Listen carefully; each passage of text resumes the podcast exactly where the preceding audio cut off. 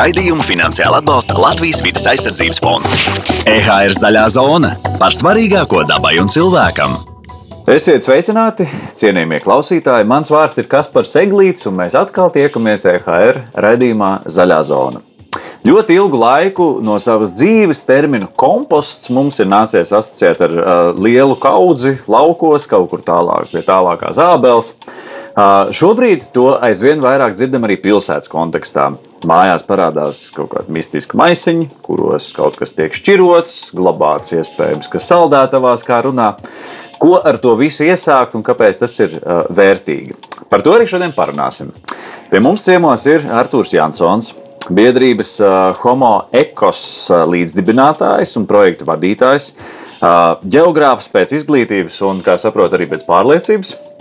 Pats mājās izmēģinājis gan bokoši, es ceru, ka es pareizi izrunāju, gan slieku komposta metodas, un tā runā, ka sievai esot bijis bail, tāpēc sliekas slēpjas kurtuves telpās.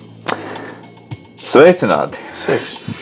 Man uzreiz jautājums, kas ir bokoši vai bokoši, kā viņi pareizi tur varētu izrunāt, un, un kāpēc sieva baidās no sliekām? Nē, nu, zin, kā, kā pareizi izrunāt šo, šo kompostēšanas veidu, laikam tikai paši Japāņi zina, kas to ir izgudrojuši. Mm -hmm. pēc būtības, laikam, uzreiz jāsāk ar tādu mītu graušanu. Bokoši bija tāds modīgs trends tiem, kas gribēja pilsētas apstākļos, pilsētas dzīvokļu apstākļos mēģināt veidot kompostu. Bet patiesībā Japāņi, konkrēts viens zinātnēks, kas izdomāja šo pēdiņās kompostēšanas metodi, patiesībā tā nemaz nebija domājis. Jo bakašī kompostēšana nav kompostēšana klasiskā izpratnē, bet tā ir pārtiks atkritumu sagatavošana kompostēšanai. Latvijas sakot, tā ir pārtiks atkritumu iekonservēšana.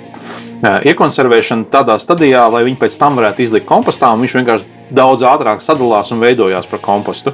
Tāpēc tie cilvēki, kas iedomājušies, ka viņi tagad nopirks bakašī kompostēšanas komplektu, ko var iegādāties, viņš tur maksā noteikti naudas summu. Kas ietilps komplektā? Komplektā ietilps elementāri divas hermetiski noslēdzamas plasmas kastes, kurām apakšā ir speciāla telpa liekās šķidrumu noliešanai ar krāniņu galā un bakašī kompostēšanas baktērijas kas pēc savas būtības ir vienkārši pienskābās baktērijas, tieši tās pašas, kas nodarbojās ar uh, siera, jogurta veidošanu no piena produktiem. Tas ir kaut kur attālināti līdzīgi kā bioloģiskā kanalizācija. Tur arī aptuveni, jā.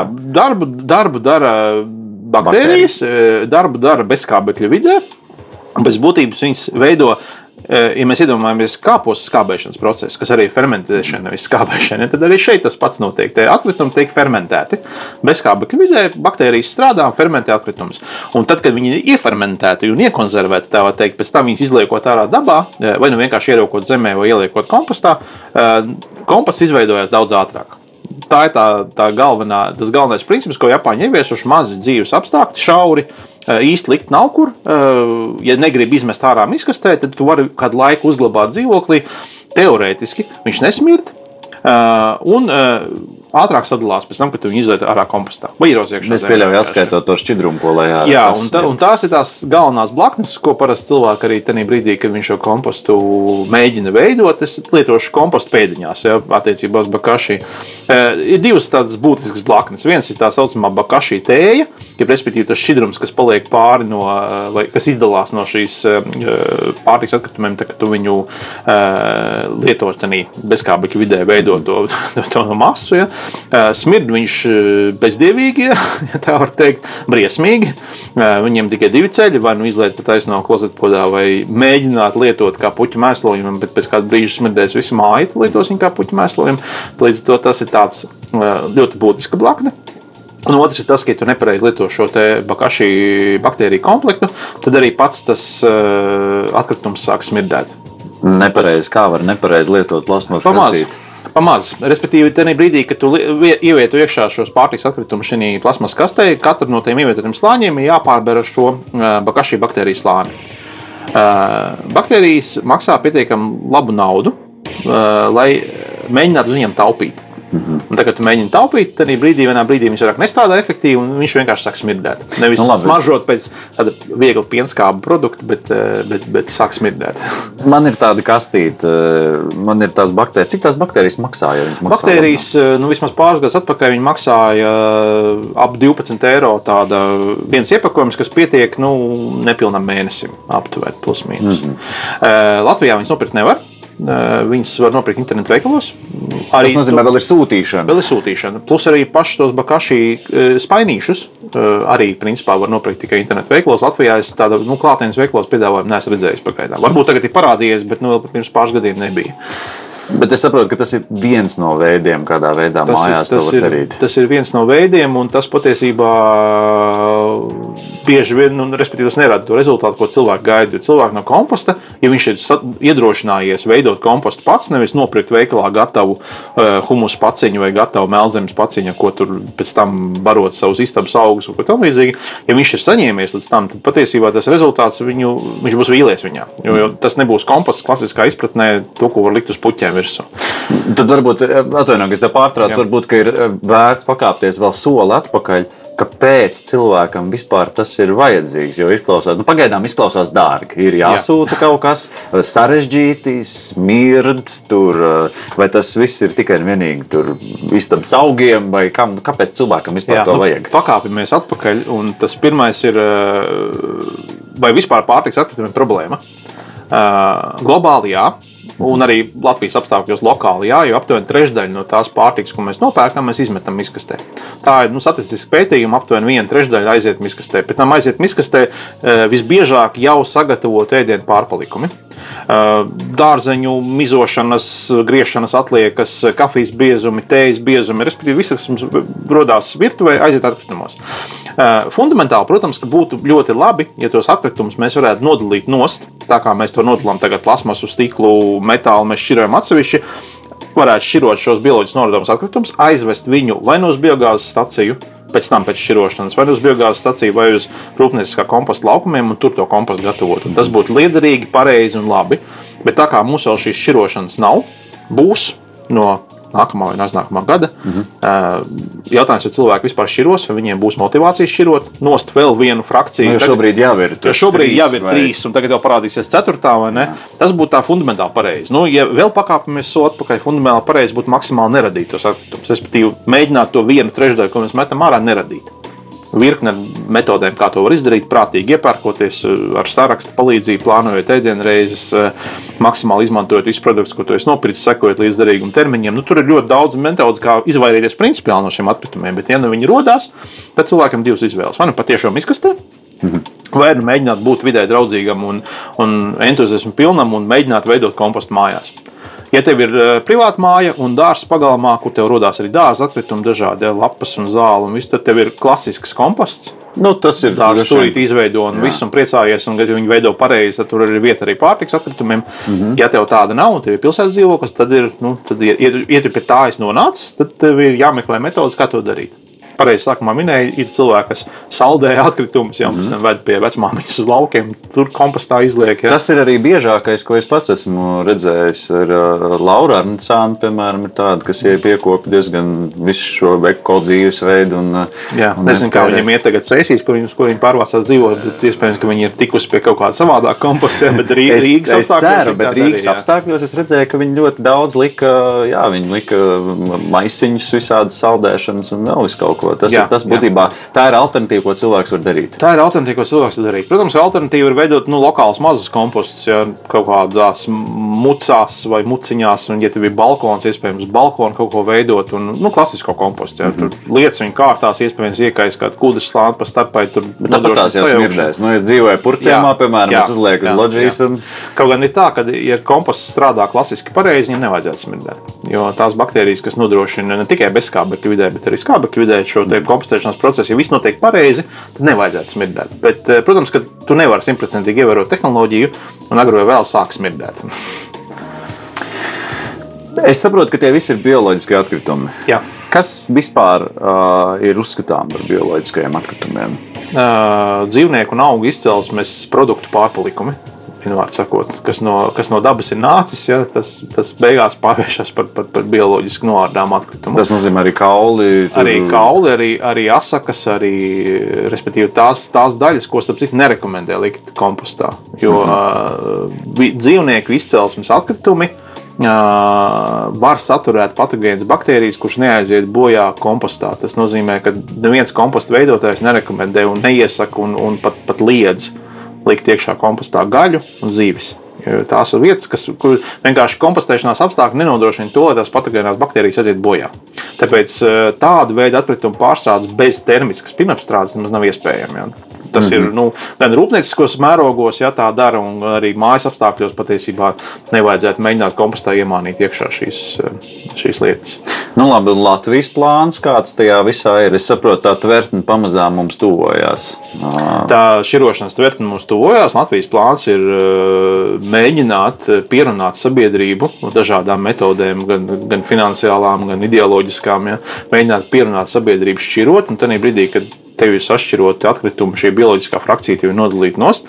Tālāk jau ceļš ir, eh, ir divi veidi. Ja? Tad vai nu tas ir rūpnieciskais komposts eh, atkritumu poligonos, no kura iegūst gan biogāzi šīs kompostēšanas rezultātā, un pēc tam Viņu var izmantot kā tehnisko kompostu. Respektīvi, to nevar izmantot pārtiks audzēšanai, bet toties, piemēram, ceļmalu apzaļumošanai vai, vai, vai kaut kādu neēdamu lietu audzēšanai, ja, ir ok. Otra versija ir biogāzes stacijas, kas ir labāks pārstrādes process, jo tu, tu dabū vairāk ārā to, to, to labumu, labumu šī gadījumā metāna gāzi. Tu vienkārši, jo tu vairāk viņu samal, jo vairāk tu viņu dabū iekšā šajā pārstrādes procesā, tu vairāk dabū to gāzi ārā. Un pēc tam, kas paliek pāri, tu atkal lietot kā mēslojumu, bet atkal kā tehnisko mēslojumu, nevis kā pārtiks audzēšanai. Tas būtu pareizais ceļš. Maksimāli efektīvi dabūt ārā no tā pūšanas procesa visu, ko no viņu dabūt ārā. Tas, tas, tas, tas, tas nav tikai Latvijas ceļš, tas ir principā nu, tas ir, e, Eiropas Savienības noteiktais kurs uz to, cik mums vispār jāpaliek pāri atkritumiem nepārstrādātiem. Cik, cik cilvēks apmēram gadā saražo tos pašus pārtikas atkritumus? E, mēs saražojam, ja nemaldos, aptuveni 130 kg gadā viens cilvēks vidēji. Kopējais atkrituma daudzums, ja nemaldos, ir kaut kāds 460 kg. Ja kaut kas nav mainījies uz vienu vai otru pusi, bet nu, plus mīnus tās tas cipars ir. Tas ir daudz. daudz. Priekš Eiropas mērogiem nav daudz. Mums ir, mums ir valstis, kuras mēslo daudz vairāk, bet tas vairāk atkarīgs no ienākuma līmeņa un labklājības līmeņa. Diemžēl, jo turīgāka sabiedrība, jo vairāk atkritumu. Tāda tā tendence ir. Jā. Vienkārši mēs nespējam tik daudz nopirkt, tik daudz saražotu atkritumus aiz sevis. Bet es saprotu, tā vēl viena tvertne, nu, nu, lai arī tas mērķis, protams, ir visā šajā jautājumā ļoti skaists, kā, bet tā ir vēl viena tvertne. Ko, ko cilvēks, kas ir tā praktiskā lieta, ko cilvēks iegūs atpakaļ. Nu, teiksim, tādā depozīta sistēmā tas ir skaidrs. Es, es samaksāju, man pēc tam atgriež atpakaļ par to pudeli. Tur tas mehānisms ir skaidrs. Ko šeit? Kāpēc? Tas, kas būtu jādabū atpakaļ, bet es īsti neredzu vēl pagaidām to risinājumu, būtu maksas samazināšanās par nešķirotu atkritumu izvešanu. Vai otrādi, tas respektīvi, jo vairāk atstāji nešķirots atkritumus, jo vairāk tu maksā par izvešanu. Bet to var izdarīt tikai tad, ja tavus atkritumus ved ārā un tu maksā nevis pēc tilpuma, kā tas ir tagad lielākajā daļā Latvijas, bet mhm. pēc svara. Svēršana notiek, cik es zinu, tikai vienā pašvaldībā, Jūrmalā, kur tev atkrituma konteineri pirms izvešanas nosver. Un tu maksā par svaru, nevis par tilpumu. Visur pārējais ir tilpums. Tev ir 250 litru atkrituma, tvērtnes 660, un pēc tā tev arī nosaka to tavu cenu. -hmm pilnu viņi tev izved, pustukšu izved, tev nekas nemainās. Tu maksā par tilpumu. Ja tu maksā pēc svara, tad sāk domāt. Un pārtiks atkritumi un, un stikls ir tie divas smagākās frakcijas. Ja tu viņus nošķiro no tev, jau vajadzētu samazināties. Mm -hmm. Vienkārši maksāj. Tas ir tāds ekonomiskais stimuls, kā to izdarīt. Bet uh, problēma, ko darīt daudz dzīvokļu mājām. Ja daudz dzīvokļu mājā, ja kaut vai viens nešķiro, uzreiz tas efekts zūd. Jo tu jau to, visas tās izmaksas dali uz visu kāpņu telpu vai, nu, vai visu māju kopā. Līdz ar to ir nu, jāmainās ir tā, ka visiem jāgrib šķirot, un tad, tikai tad tu jutīsi kaut kādas izmaiņas. Privātā mājā tu ļoti labi jūti. Nu, es dzīvoju Jūrmālā, privātā mājā es ļoti labi jūtu, ko nozīmē uh, maksāt pēc tilpuma vai maksāt pēc svara. Es noņemu no smago frakciju, kaut vai stiklu tikai, ja, un es jau jūtu samazinājumu. Plasmas šķirošanai tas tā īsti nav, bet, bet bioloģiski atkritumi arī smagi. Ja mēs viņus dabūjam nost, tas uzreiz samazina izmaksas. Bet tas ir pagaidām tas vienīgais taustāmais labums, kas varētu būt no iedzīvotājiem, kur, kurš nav pēc zaļas pārliecības un kurš uh, nu, nedomāt tādās globālos mērogos, kā samazināt kopējo patēriņu un tam līdzīgi, ja, tad tas viņam varētu būt tāds vienīgais ekonomiskais stimuls, tas ir maksas samazināšana. Un ieviest uh, bioloģisku atkritumu šķirošanu būs ļoti grūti. Es pat domāju, ka grūtāk nekā bija ieviest parasto atkritumu, nu, pārējo atkritumu šķirošanu. Tas nozīmē, ka tā tvērtne droši vien ir kaut kāda speciāla. Tur arī iespējams ir kaut kāds krāns, kur kaut Tra ko noliet. Nu, tradicionāli tur... viņas ir, nu, vismaz tādās valstīs, kur tā šķirošana notiek, tradicionāli viņas ir melnā krāsā. Ar slēdzam, ar cietu aizveram vāku, lai netiek iekšā dzīvnieku putni, lai neizvazā. Un izvešanas biežums ir daudz vairāk nekā šķirotiem pārējiem atkritumiem. Kāpēc melna? Uh, Tā ir iegājies. Es nezinu, kāpēc melna. Iespējams, Latvijā viņi nebūs. Iespējams, ka Latvijā viņi nebūs melna, bet savādāk krāsā. Saule spīd, temperatūra kaut kā uzauga. Nu, tad, tas liekas, nav tik. Man liekas, tik tālu viņi to tā, tā, tā, tā nav aizdomājuši. Bet svarīgi ir izvešanas biežums. Tāpēc, kad, nu, tie ir atkritumi, kas, kas reāli sāk smirdēt. Un, ja tu viņu turēsi tikpat ilgi, kā, piemēram, šķiroto plasmasu, ko var vest reizes nedēļā ārā, vai ne? Kamēr konteiners ir pilns, tad tas būs tas izvešanas biežums, ja nemaldos, ir aptuveni, bet noteikti ne, ne retāk kā 72 stundās jau, nu, jāizved. Ir.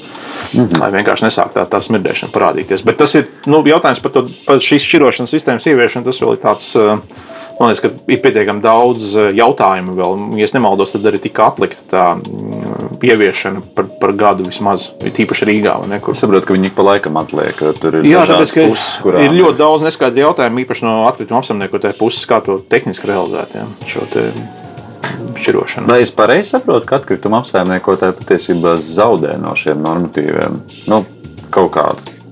Līdz brīdim, kamēr viņi sapratīs, ka jebkurš atkritums ir prece, Tam brīdim, protams, viņi zaudēja. Tāpēc, ka jebkura lieka kustība, jo, protams, visvienkāršāk ir savākt atkritumus, par to saņemt maksājumu un noglabāt viņu atkritumu poligonā. Bet, bet ļoti daudzām lietām viņi jau ir iemācījušies rast risinājumu. Nu, mums jau tagad ir biošūnas, kurā tiek glabāti iekšā visi šie atkritumi, kas pūst, un viņi dabū ārā metāna gāzi, kur pēc tam izmanto, piemēram, siltumnīcas apkurei un elektrības ražošanai. Getliņa tomāti ir tipisks tam piemērs. Ja tas ir gala rezultāts tam, kas notiek ar bioloģiskiem atkritumiem. Dabūt dabūt ārā vērtīgo frakciju, kas ir pet, eh, pet, pet plasmas, skārts, alumīnijas. Ja, to visu jau tagad dabū ārā un tā ir taisa nauda.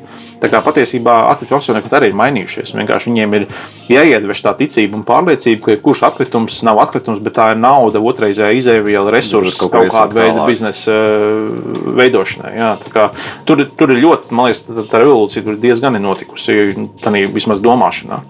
Tur ne tikai vest ārā un noglabāt, bet eh, tīpaši viņi arī zina to, ka 30. gads ir tā robeža, robeža gads, kad eh, ļoti mazs apjoms drīkstēs palikt poligonā. Nu, visam pārējiem būs jābūt atgrieztam atpakaļ ekonomikā. Nē, nu, tas izaicinājums ir liels. Es domāju, ka no visām pusēm.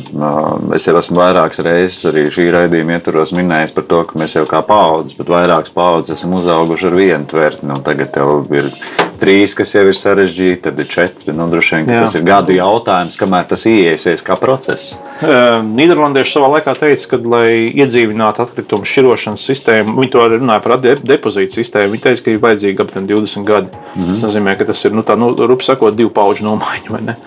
Tad brīdī tad, tad kaut kāds klikšķis notiek. Mēs šķirojam, nu, ir desmit gadi, viņa vairāk varbūt. Ja? Mm. Un jau mēs esam panākuši teiksim, 40% iedzīvotāju sapratni par šķirošanu. Ja vēl Rīga nebūtu vilkusies aizmugurē tam visam procesam, bet būtu gājis līdzi ar pārējām pašvaldībām, iespējams, tas procents būtu vēl lielāks. Kāpēc Rīga vilkās?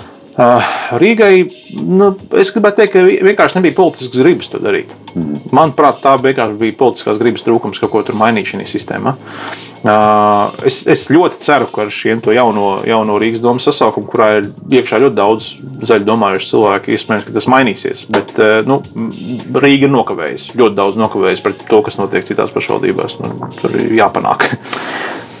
Bioloģiskie atkritumi kā vispār pēc būtības uh, ietekmē vidi?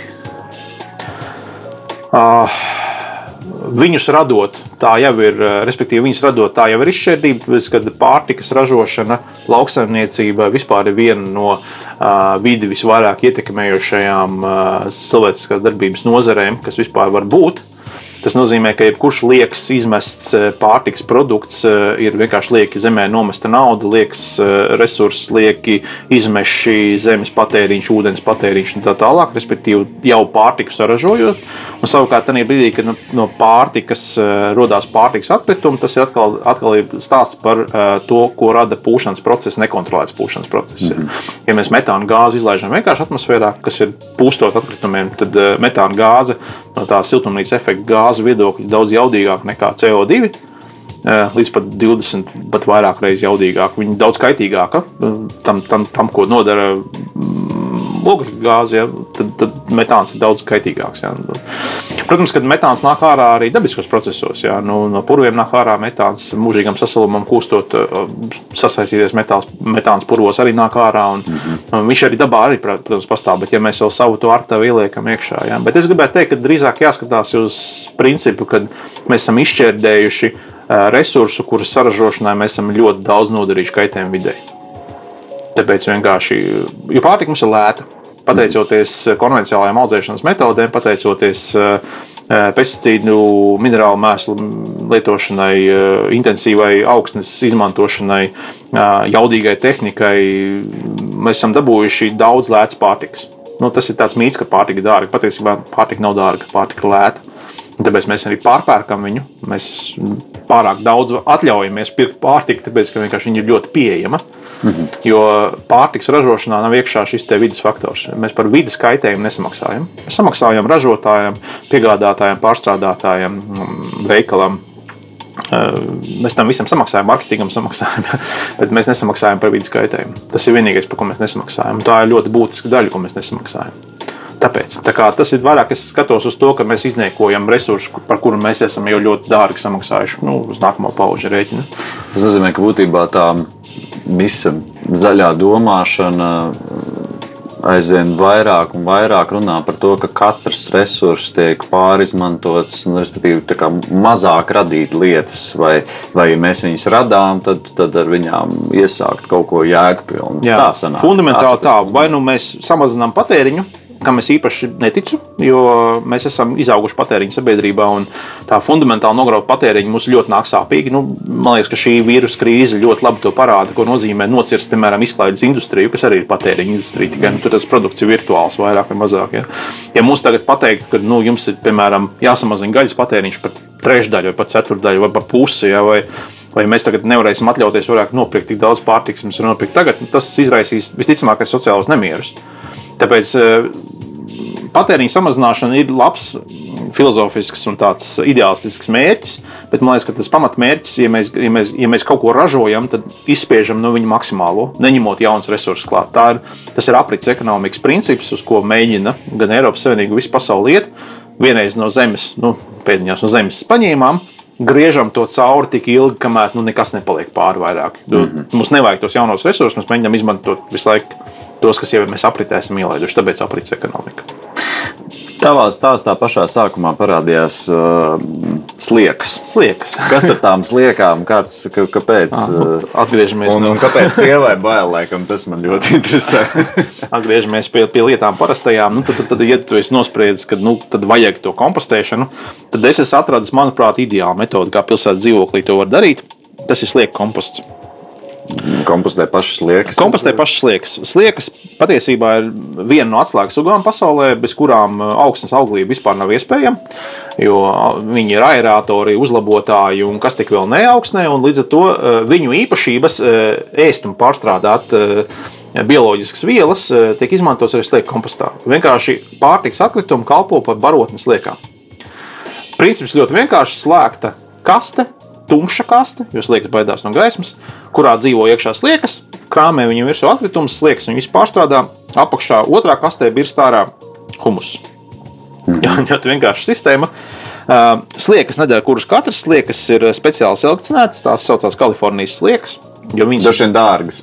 Nē, par slieku iegūšanu vēl ir atsevišķs stāsts. Viņas ir selekcionētas tikai tāpēc, vien, ka viņas ir ļoti rīgas un ļoti vairoties spējīgas. Mūsējās sliekas ir slinkas, un ne īpaši labi vairojās. Tāpēc parastās mūsu, mūsu nu, tradicionālās sliekas izmantot nevar izmantot Kalifornijas. Viņas jau ir hermafrodītas, tur dalītas pusē. Viņas, uh, nē, viņas vairojās no oliņām. Oh. Jā, viņas vairojās no oliņām. Viņam tāds veidojās tāds oliņu gredzens ap nu, nosacīto kakla rajonu. Pēc tam viņš tiek nomauks nost, nu, viņam izšķiļās mazliet ārpiņu, pēc tam veidojās pēc tam par sliekām. Tāds tas princips ir. Bet uh, viņas nosilkcinēja tāpēc, ka ir vermija komposta fermas, kuros viņas baro ar uh, salmiem un, un, un dažādu dzīvnieku mēsliem un veidojas vermikomposts. Uh, savukārt, sadzīvē viņš vienkārši no turienes ir paņemts. Un tur ir tā atbilde par to, kā dabūt Kalifornijas sliekas, uh, atrast kādu, kuram ir, un viņš padalīsies. Waste, piemēram, Latvijas grupā ieraksta, man vajag sliekas, Facebook grupā, un tev atsauksies vismaz trīs, četri cilvēki, un mēs tev iedosim vienu. Tas ir kā kādreiz dalījās ar uh, Keksa Huberts uh, šo sagatavotu vai tēsēnu. Tēsēni, jā, es tieši tāpatās notiek ar sliekām. Paņem pirmo burciņu. Es, piemēram, pirmo burciņu dabūju no A- Anitas Tomas. Ja. Mhm. Viņai bija mājās sliekas, es dabūju burciņu, sāku savus sliekas audzēt. Es esmu padalījies ar savām sliekām arī.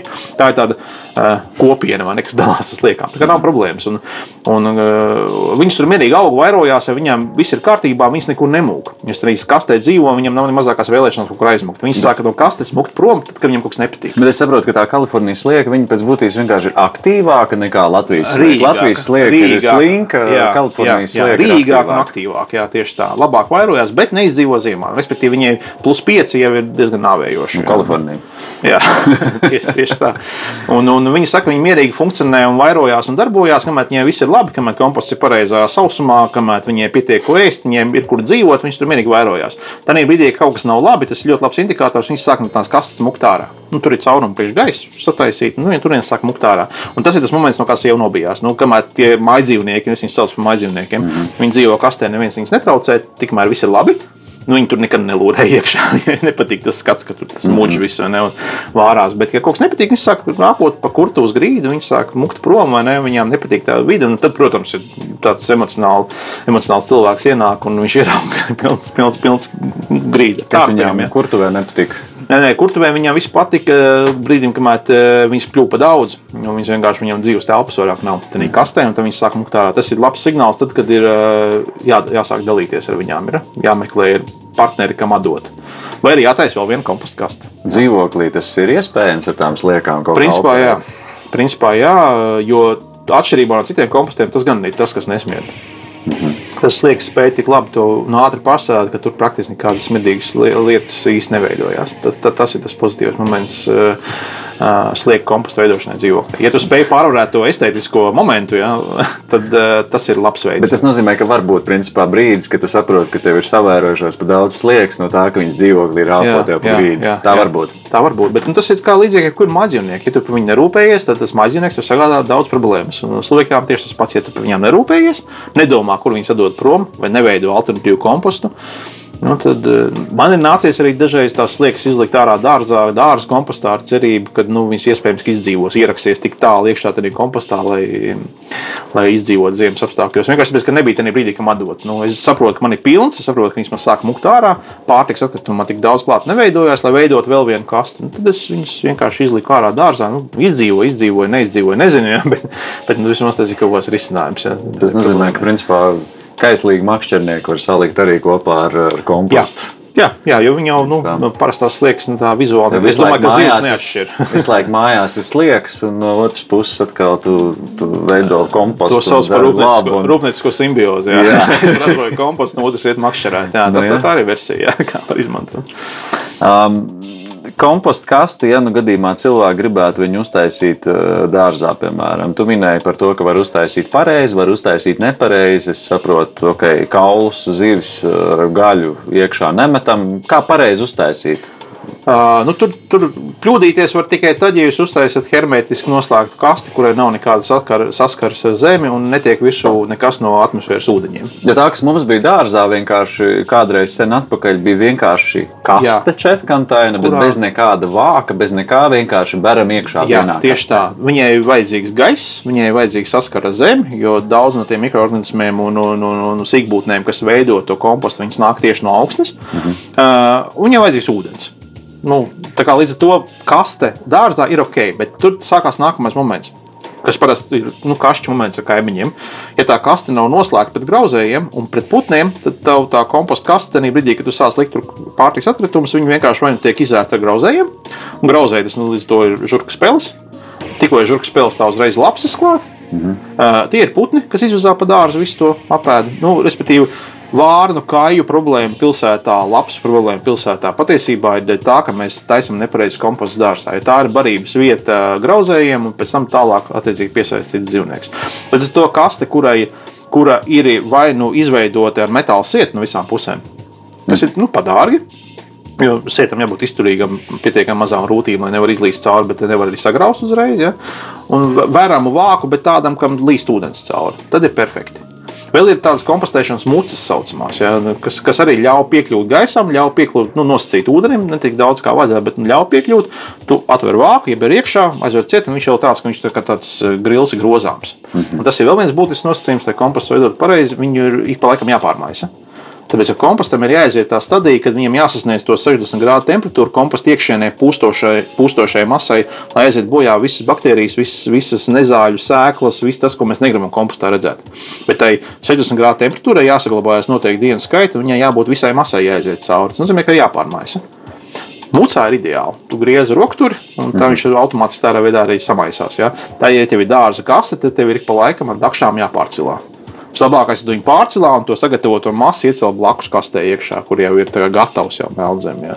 Vai tu viņu taisīsi divos līmeņos, ka viņš tur birst apakšā cauri, tas, tas sagatavotais materiāls ņem nost. Nu, atkal dārza kompostēšana, tā tikai liekas, ka viņi saliec vienkārši un aizmirst. Ne? Bet tur, tur arī darbs, lai izveidotu pareizu kompostu. Mm -hmm. Plus vēl sekot līdz tam, lai attiecības starp brūno kompostu, respektīvi lapām, nezālēm un, un piemēram, nopļauto zāli, tur var būt pareizās attiecībās. Jā, tur, Kāda ir pareizā attiecība? 30 pret 1 pa labu brūnajam kompostam. Jā. Nu, respektīvi, ja kāds sagāž iekšā zāli tikai, tad viņi parasti saglumē, sapelē, bet nevis pārveidojas par kompostu. Mm -hmm. Tā ir slāpekļa un oglekļa attiecība. Nu, ogleklim jābūt daudz vairāk nekā slāpeklim, lai tas process notiktu pareizi.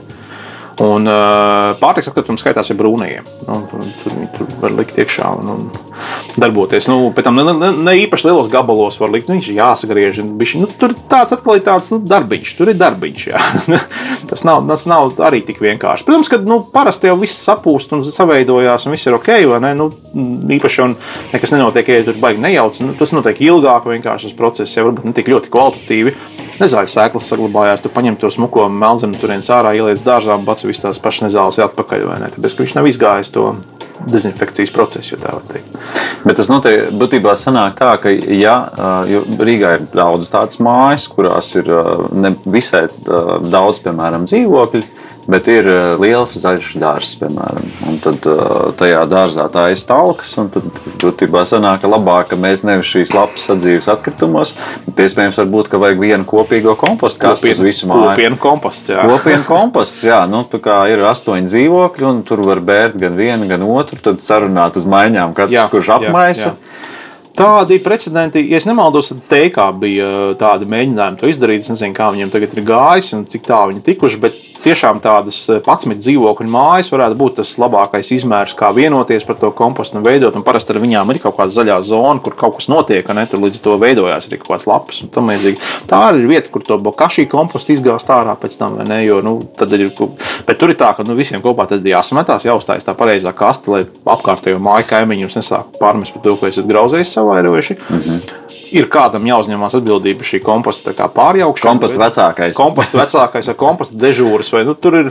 Bet nu, no otras puses, ir ļoti labs iemesls, lai kaimiņiem tiktos. Nu, kopējs darbs, kaut kāda kopēja mērķa, kas vienot, tur nu, tādā tā kopiena arī veidojās. Nu, mums jau nu, tur jau arī dārsts iegūst, teiksim, tie, ja tur ir dārzā, piemēram, tāda puķis vai vēl kaut ko, tad vienmēr ir resursi, no kur nebraucot tur uz kādu būvmateriālu veikalu var iegādāties. Jā, bet vienīgais ir fundamentāli jāatcerās to, ka, eh, ja tu mēģini audzēt, eh, ražot kompostu, pēc tam pārtiks audzēšanai, tad ir ļoti jāpiedomā par to, kādu pārtikas atkritumu tu tur liec iekšā. Respektīvi, tu pēc konvencionālu pārtiku, kas ir pilna ar pesticīdu atliekvielām un nitrātu atliekvielām, un tu to visu vienkārši iegāzi iekšā kompostā, tās vielas jau nekur nepazūd. Viņas tur pat tās kompostā arī paliek, un tu viņus vienkārši pēc tam atgriez atpakaļ dārzā, lai izaudzētu, nosacītu ekoloģiski tīru kaut kādu produktu. Viņš nebūs tīrs, tāpēc, ka tu esi jau ienesis jau iekšā to nosacīto netīrumu jau no veikala ja tu piedomā pie saviem pirkšanas paradumiem un tu pēc tam bioloģisko pārtiku, tad ir ok.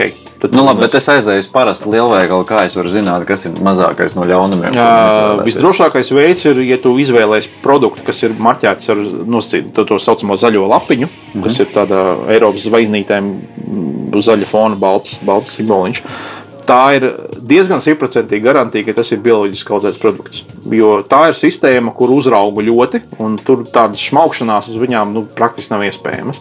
Tas ir bioloģiski audzēts produkts, jo viņš ir bioloģiski certificēts. Uh, ja tu pēc no zemniekiem, tad tev ir stabili jāzina, ko tas zemnieks tajā laukā dara.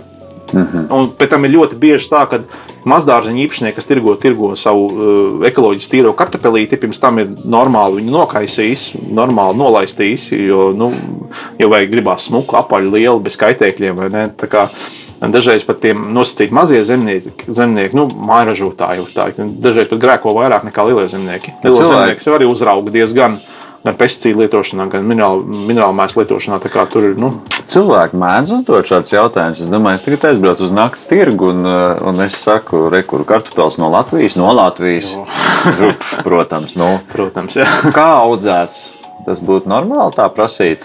E, Jā, bet diezgan droši, ka vismaz naktas tirgus gadījumā godīgas atbildes saņemt būs ļoti grūti, ja pat neiespējami. Vēl pastāv iespēja, ja atkal ja ir laiks un vēlme veidot kopienu, tie saucamie tiešās pirkšanas pulciņi, kas ir tāda tā kā spēlēšanās veikalos. Uh, ir uh, bioloģiskās zemnieku saimniecības, kuras piegādā šiem pulciņiem produktus pēc iepriekšēja pasūtījuma, ko tu veici internetā. Un, uh, tā atšķirība no parastā veikala tāda, ka veikala funkcija pilda pašu pulciņu dalībnieki. Ir viena telpa, kur reizē nedēļā tiek savests pasūtījums, ir dežuranti, kas to pasūtījumu sadala pa, pa lotēm, ja, kurš ko ir pasūtījis. Mm. Ir otrs dežurants, kas, kas, kas pieņem, izsniedz preces, saņem naudu, norēķinās ar zemniekiem piegādes reizē. Ja, tas ir tāda, atkal tāda kopienas kustība, kur ir pārbaudīti zemnieki, zināmi eh, bioloģiski certificēti zemnieki, kuri piegādā patiešo bez veikala starpniecības, un tur šo bioloģisko produkciju var nopirkt lētāk nekā veikalā. Kur var, kur var atrast? Es zinu, ka viens ir uh, Kaņepes kultūras centrs Rīgā, kur uh, vismaz kaut kādu laiku atpakaļ tur bija šādas aktivitātes. Kur, kur vēl? Kur Ja es nemaldos, ties, tiesā pirksana.clv ir mājaslapa, kurā to var redzēt gan pulciņu adreses, gan mm. arī eh, kvotas. Jo ir jau tā, ka daži pulciņi ir pilni, tur vienkārši nav vietas vairāk iestāties. Jo nu, katrs pulciņš atkarībā no telpām un no pieejamiem cilvēku resursiem apkalpot noteikti apjomu, cilvēku. jā. Līdz ar to jāskatās sev mājas vai tuvāko pulciņu. Un vai viņam ir kvotas, nu, iespēja, iespēja pievienoties viņam. Uh, otra versija ir dibināt to pulciņu pašam, savākt domājumu grupu un, un vienkārši darīt. Citreiz izdodas, citreiz nē. Jurmalā es zinu, ļoti ilgi mēģināju nodibināt tādu. Nenodibināju, ne nu, Rīgas tūmus, visticamāk, tas, kas nosaka, kāpēc nē. Bet uh, Rīgā viņu ir pietiekami daudz. Es nedomāju, ka tā kustība gājas mazumā. Nu, es neesmu pēdējā laikā viņiem sekojis līdzi, bet kādreiz es pats biju aktīvs dalībnieks, kad Rīgā strādāju. Tad, uh, Tad es to izmantoju. Man tas patika. Bija lēti, labi produkti, un tie visi bija bioloģiski un pārbaudīti un tīri. Jā, nu. Tātad tie, tiesā pirkšana, uh, punkts, punkts LV Jā. var mēģināt atrast, un, uh, un, un iespējams, ka kaut kur būs pieejami šie. Jā. Tur var noteikti arī pie tiem dalībniekiem var no kāda arī sliekas sarunāt. viņi arī ļoti daudz ar to nodarbojās. Tā, kā, tāds, tā ir tāda atkal kopiena, atkal tāda dombiedra grupa, kur, kur, kur atbalsta šos mērķus. Viņiem tas ir svarīgi. Un pie reizes viņi ietaupa arī naudu. Jā. Nu, ko, noslēgumā man tāds jautājums, ja tagad kāds no mūsu klausītājiem gribētu uztaisīt tādu nu, de- demo kompostu izmēģinājumu, kas būtu tie pirmie soļi, ar ko sākt, lai vispār saprastu, cik vienkārši tas ir. Nu, es saprotu, ka šī tas ir tāds augstāks, varbūt, līmenis vismaz man tā šķiet, bet nu, tāds pats pats pirmais solis. Kā es Rīgā dzīvojošu dzīvoklī varu pamēģināt? Uh, nu, man liekas, ka internetu resursu, kā to darīt, ir bezgalīgi daudz ieteikumu. Vienalga, vai tu izmanto YouTube vai Google meklētāju vai jebko citu. Uh, ir viena versija, otra versija var, var, pameklēties pa tām pašām Facebook grupām, kā piemēram Zirovējas Latvija, kur par to ir pietiekami daudz runājuši. Ir entie video blogi uzņemti un, un, un pamācības un stāsti, kā to veidot. Jautājums nu, izvēlēties to metodi, vai tu iesi pie mājdzīvniekiem ar sliekām, vai tu mēģināsi to starposmu realizēt, to bakašī kompostu, un pēc tam tev ir vieta, kur viņu izlikt ārā, vai tu iesi pie kaimiņiem, mēģināsi veidot kopienu kompostu, ja? vai, vai tu saldēsi un vedīsi pie vecmāmiņas, vai tu mēģināsi kaut ko mucā veidot, un tu, kas sāks smendēt, tad domās, ko viņi darīt. Ja? Nu, Metodas visdažādākās, vienkārši jāizvēlās, ko tu pats gribi, nu, kas ir tas, tas pirmais solis, ko tu sāksi, un izvēlējies metodu un uz priekšu. Tur nekas tāds beigas. Jo kompostēšanā, man liekas, tas svarīgākais ir, nu, principā gribētu to darīt. Visi pēc tam jau tās metodas atnāk pašas. Man- es piemēram, lietoju abas divas. Nu, bet, labi, es to eksperimentēju. Man vienkārši bija interesanti, ko nozīmē bakaši, ko nozīmē slieka. Un vēl plus jau komposts dārzā. Vēl, nu, man viss trīs metodas bija. Nu, dārza komposts ir nu, tas slinkums. Es labāk savaidoju kaut ko šeit, un tad nesu daudz retāk uz to kompostu nekā, nekā katru mazo spainīti tagad stiepju uz, uz kompostu otrā dārza stūrī. Bakaši ieliek iekšā, pagaidi, ka viņš noformatizējās, un tad es viņu aiznesu prom vai es liekām iedodu. Un tad man vispār nekas nav jānes prom. Nu, mums, mums ar to vienu slieku kompostu kastī četru cilvēku ģimenē pilnīgi pietika. Viņi tur viss apēda. Bet nu, tas ir pie tā, ka mēs nu, tā stipri piedomājam, ko mēs metam ārā, ko nemetam. Nu, pie, pie tādas versijas. Tas nozīmē, ka trenēties patiesībā nav grūti. Varbūt grūtāk izklausās, bet patiesībā tas nav tik sarežģīti. Jo skaidrs, ka nu, tuvā nākotnē tā būs diezgan izteikta mūsu ikdiena, vismaz nodalīt, nošķirt šos atkritumus. Un, un ir labs laiks, lai sāktu tagad. Un, es un ļoti ceru, ka cilvēki izvēlēsies vienkārši pareizi šķirot, kas ir daudz vienkāršāk nekā mēģināt mājās kaut ko veidot. Tas būtu daudz prātīgāks risinājums un daudz efektīvāks risinājums. Ja? Nevis teikt, ka fu atkal jauna metode vai ne, atkal mums te jauna apgrūtinājuma bet patiesībā, ja tu gribi tikt vaļā no pārtikas atkritumiem pareizi, labāk ir šķirot. Labāk viņus likt un laist viņus normālā, tādā ekonomiski pamatotā apritē. Nu, kamēr tā nav, tikmēr ir jāiztiek ar tādām metodēm, kādas ir pieejamas mājas apstākļos. Protams, ka gala rezultātā ieguvēja jau mēs beigās būsim visi. Es ļoti ceru, ka tā mēs tā domājam. Lielas paldies par uh, sarunu. Šodien pie mums ciemos atgādināšu vēlreiz bija Artūrs uh, Jansons, biedrības Homo ekos līdzdibinātājs un projektu vadītājs.